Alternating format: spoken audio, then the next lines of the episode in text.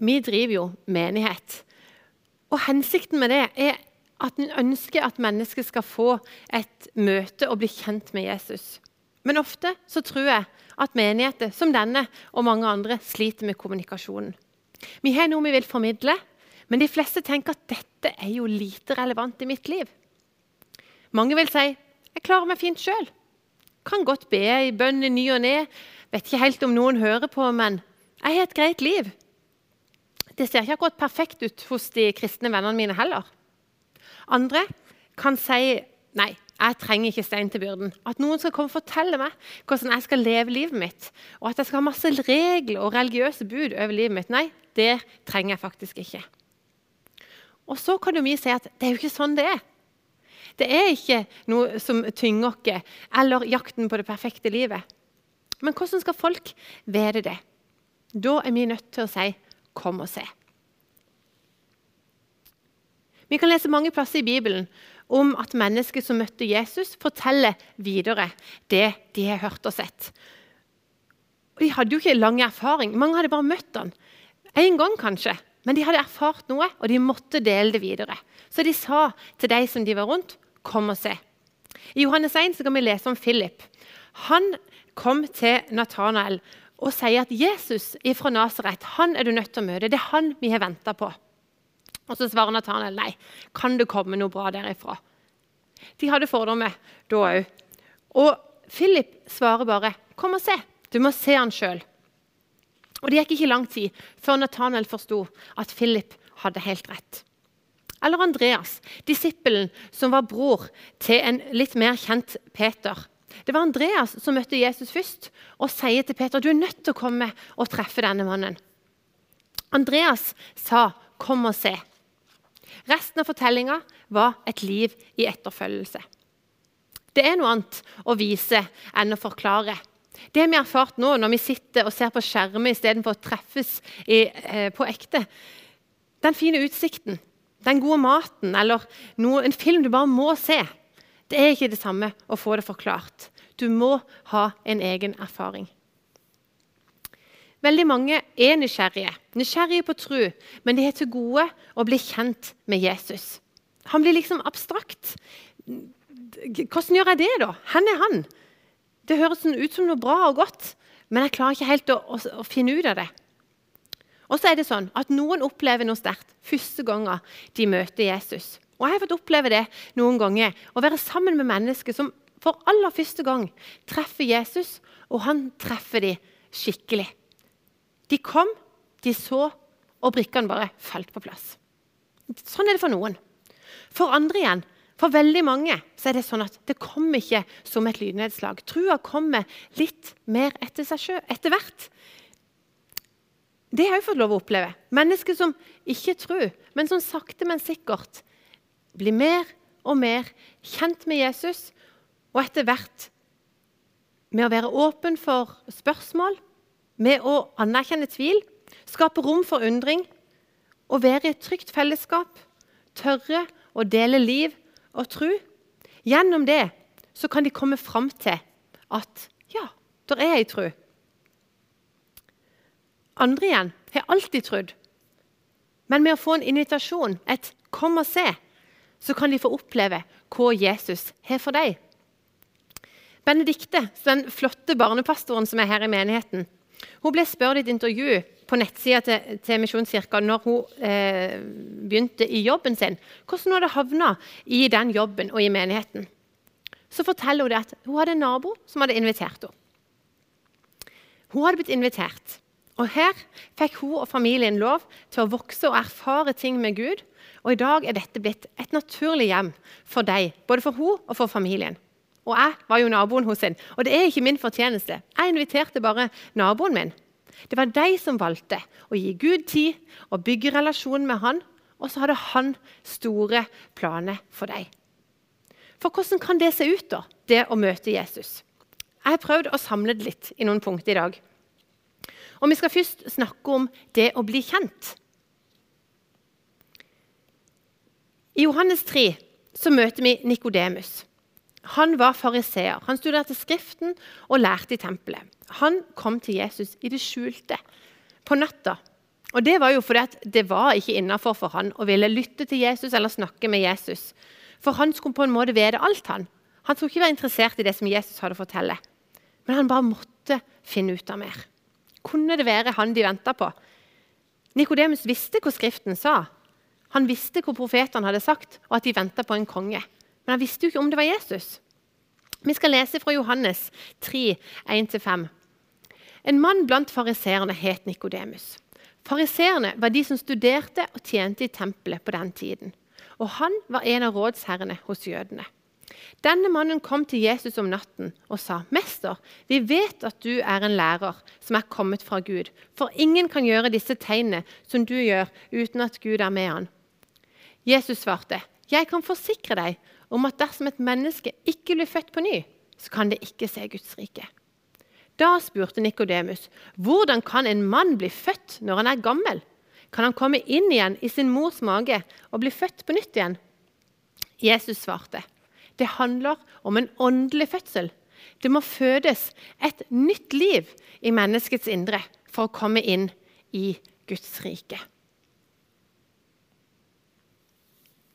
Både her og i møte med andre så kan vi lese at Jesus han blir ikke sur for at folk stiller spørsmål.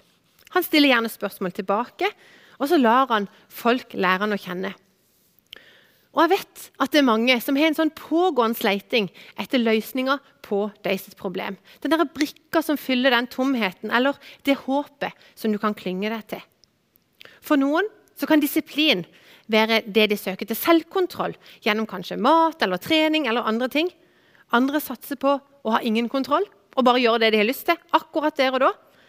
Og så er det mange som leter i alternative ting. Okkulte ting eller astrologi. Nikodemus var, som mange, nysgjerrig på om Jesus kunne være svaret på hans lengsel. Men han var òg, som veldig mange andre, redd. Han trengte tid, og han hadde masse spørsmål. Mange i dag trenger òg tid. Noen fordi de kjenner seg som et brent barn. De har hatt dårlig opplevelse med kristne. Dessverre har noen kristne stått i veien for Kristus. Andre igjen trenger, trenger tid for å tørre å møte det som venner og familie vil si. Kanskje du har det sånn som Nikodemus, at i dine kretser så er det ikke helt stuereint å ville være interessert i hva Jesus har å si. Kanskje du oppsøker han i mørket. Ser på tale som dette på nett Kanskje du leser litt, prøver å be litt. For andre igjen så kan det høres for enkelt ut. Det er liksom for smått opp mot de utfordringene som livet ditt inneholder. Hvordan kan det å tro på en mann som levde for lenge siden, gjøre noe med kaos i mitt liv? Mange sier at Jesus var en god mann og et forbilde. Og det er de helt rett i. Men vi tror òg at han var mer enn det. Vi tror at han er løsninga at han er redningsmannen, og at han er den han sier han er. Guds sønn, vår frelser og verdens håp. Vi vet at et møte med Jesus kan forandre liv. Og Det er derfor vi ønsker å si 'kom og se'. Det er virkelig ikke verdt bryet å se på meg. Det handler ikke om hvor flink jeg er, eller hvor trofast jeg er, eller hvor korrekt jeg er. Kom og se på Jesus. Han vil sjøl vise deg hvem han er. Når Nikodemus får lov til å kjenne Jesus og forstå hvem han er, så skjer det noe. For når han ser at Jesus dør på korset, så er han der. Og han ser at dette var jo det Jesus hadde sagt skulle skje. Og så ser han òg at Jesus sier til røveren på korset at han skal bli med han til paradis. Eller så får han høre Jesus eh, si til de som korsfester han, at han tilgir dem. Og Etter en stund så klarer faktisk ikke Nikodemus å la være å stå opp for Jesus, sjøl om han visste at det kom til å koste. Nikodemus gikk fra å liksom bare kikke til å ta en beslutning. En beslutning om å leve for Jesus og la han lede han i det nye livet. Før Nikodemus ble født på ny, så hadde han religion, men han hadde ikke relasjonen til Jesus. Han hadde loven, men han hadde ikke livet. Vi skal lese videre i Johannes 3 hva Jesus sier om å bli født på nytt. Det som er født av et menneske, er kun et menneske. Men den som blir født av Den hellige ånd, vil merke at Ånden gjør hans indre levende. Derfor må du ikke bli forundret over at jeg sa at du må bli født på nytt. Vinden blåser dit den vil, og du hører lyden av den, men du vet ikke hvor den kommer fra, og heller ikke hvor den går hen. Slik er det også med den som blir født av Den hellige ånd.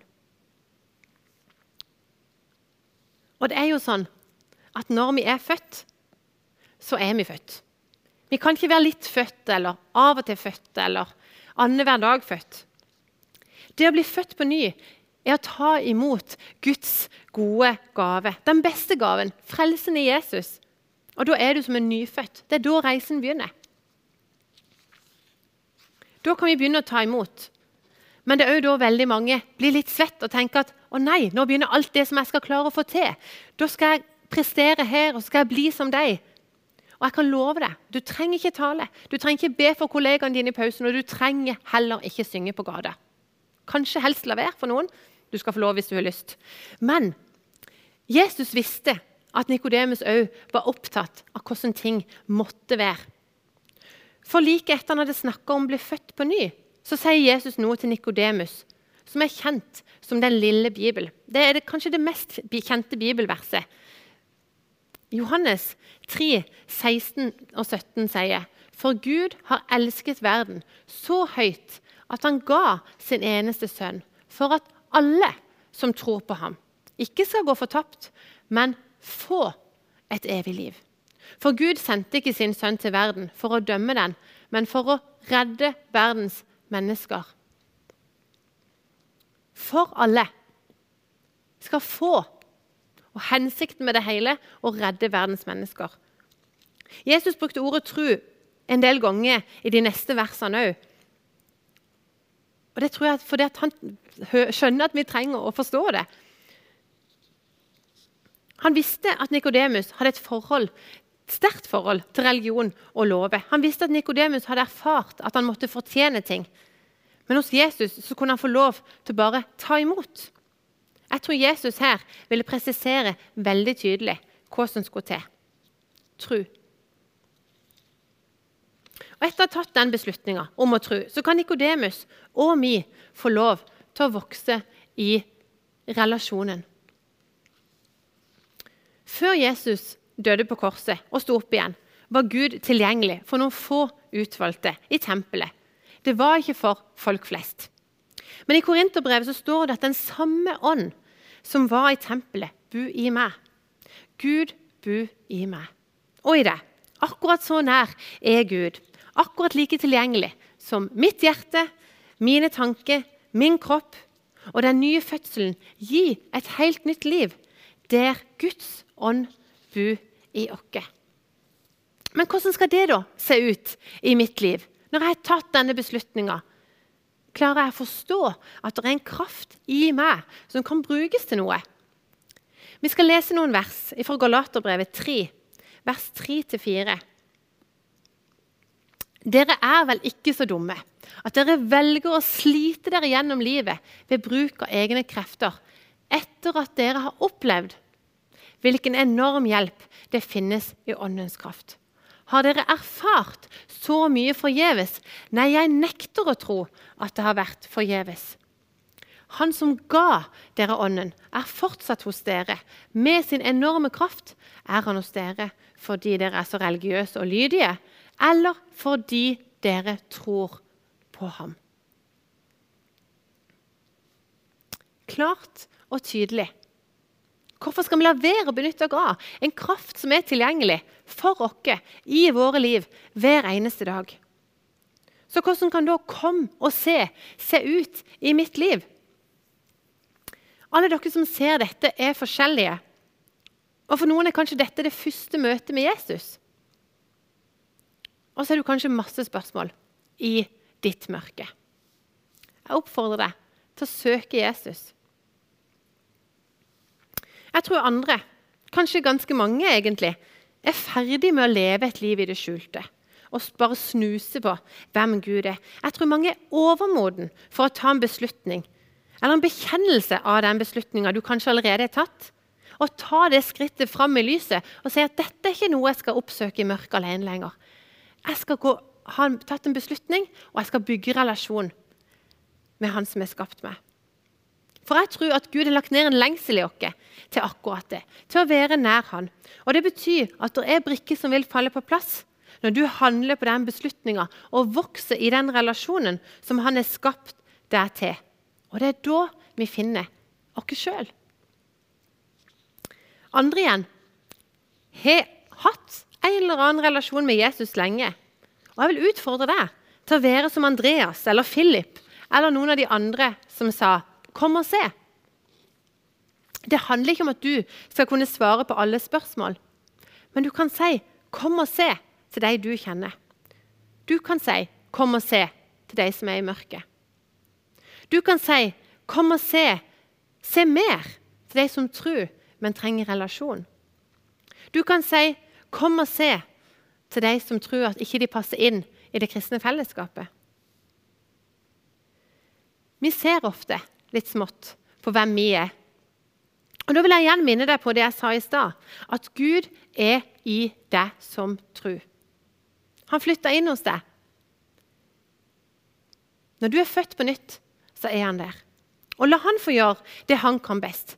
Du kan invitere, så kan han gjøre jobben. Det er jo ingen som forventer at du skal synge hvis du inviterer dem med på en konsert. Nei, Du kan invitere og forvente at andre tar seg av det. Og Gjennom å invitere andre til å komme og se, så får vi òg lov å se.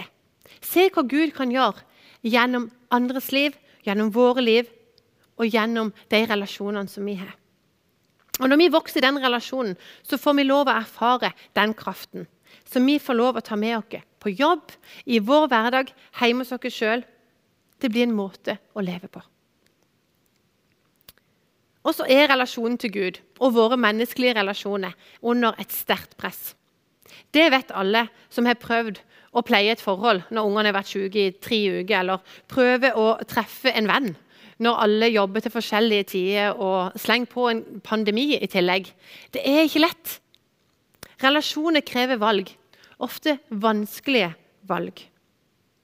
Gud har allerede valgt oss. Spørsmålet er om vi velger Han. For det er jo faktisk vi som må velge hvem skal få plass i mitt liv. Det er mulig å være fysisk levende og åndelig død. Men det er òg mulig å få lov å bli født på nytt og få det åndelige livet, den kraften som Gud tilbyr deg. Nikodemus spurte Jesus, og så ble han født på ny. Han fikk tid til å først møte Jesus i skjul, for å så senere komme fram med sin tro og leve liv for Jesus. Og jeg tror at Der må vi være rause med hverandre. Vi gir hverandre tid, gir hverandre rom til å stille spørsmål, til å kjenne på tvil, til å være den som vi er. Og For å leve dette livet så trenger vi han òg hver eneste dag. Og Da må Guds ånd være godt plassert i vårt indre.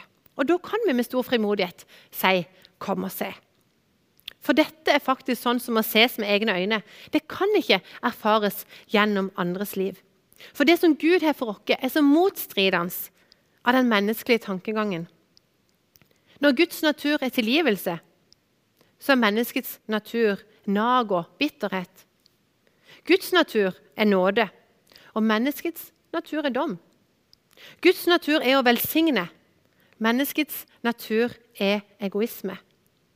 Og Gud er lys der som alt er mørkt. Og det bør du komme og se.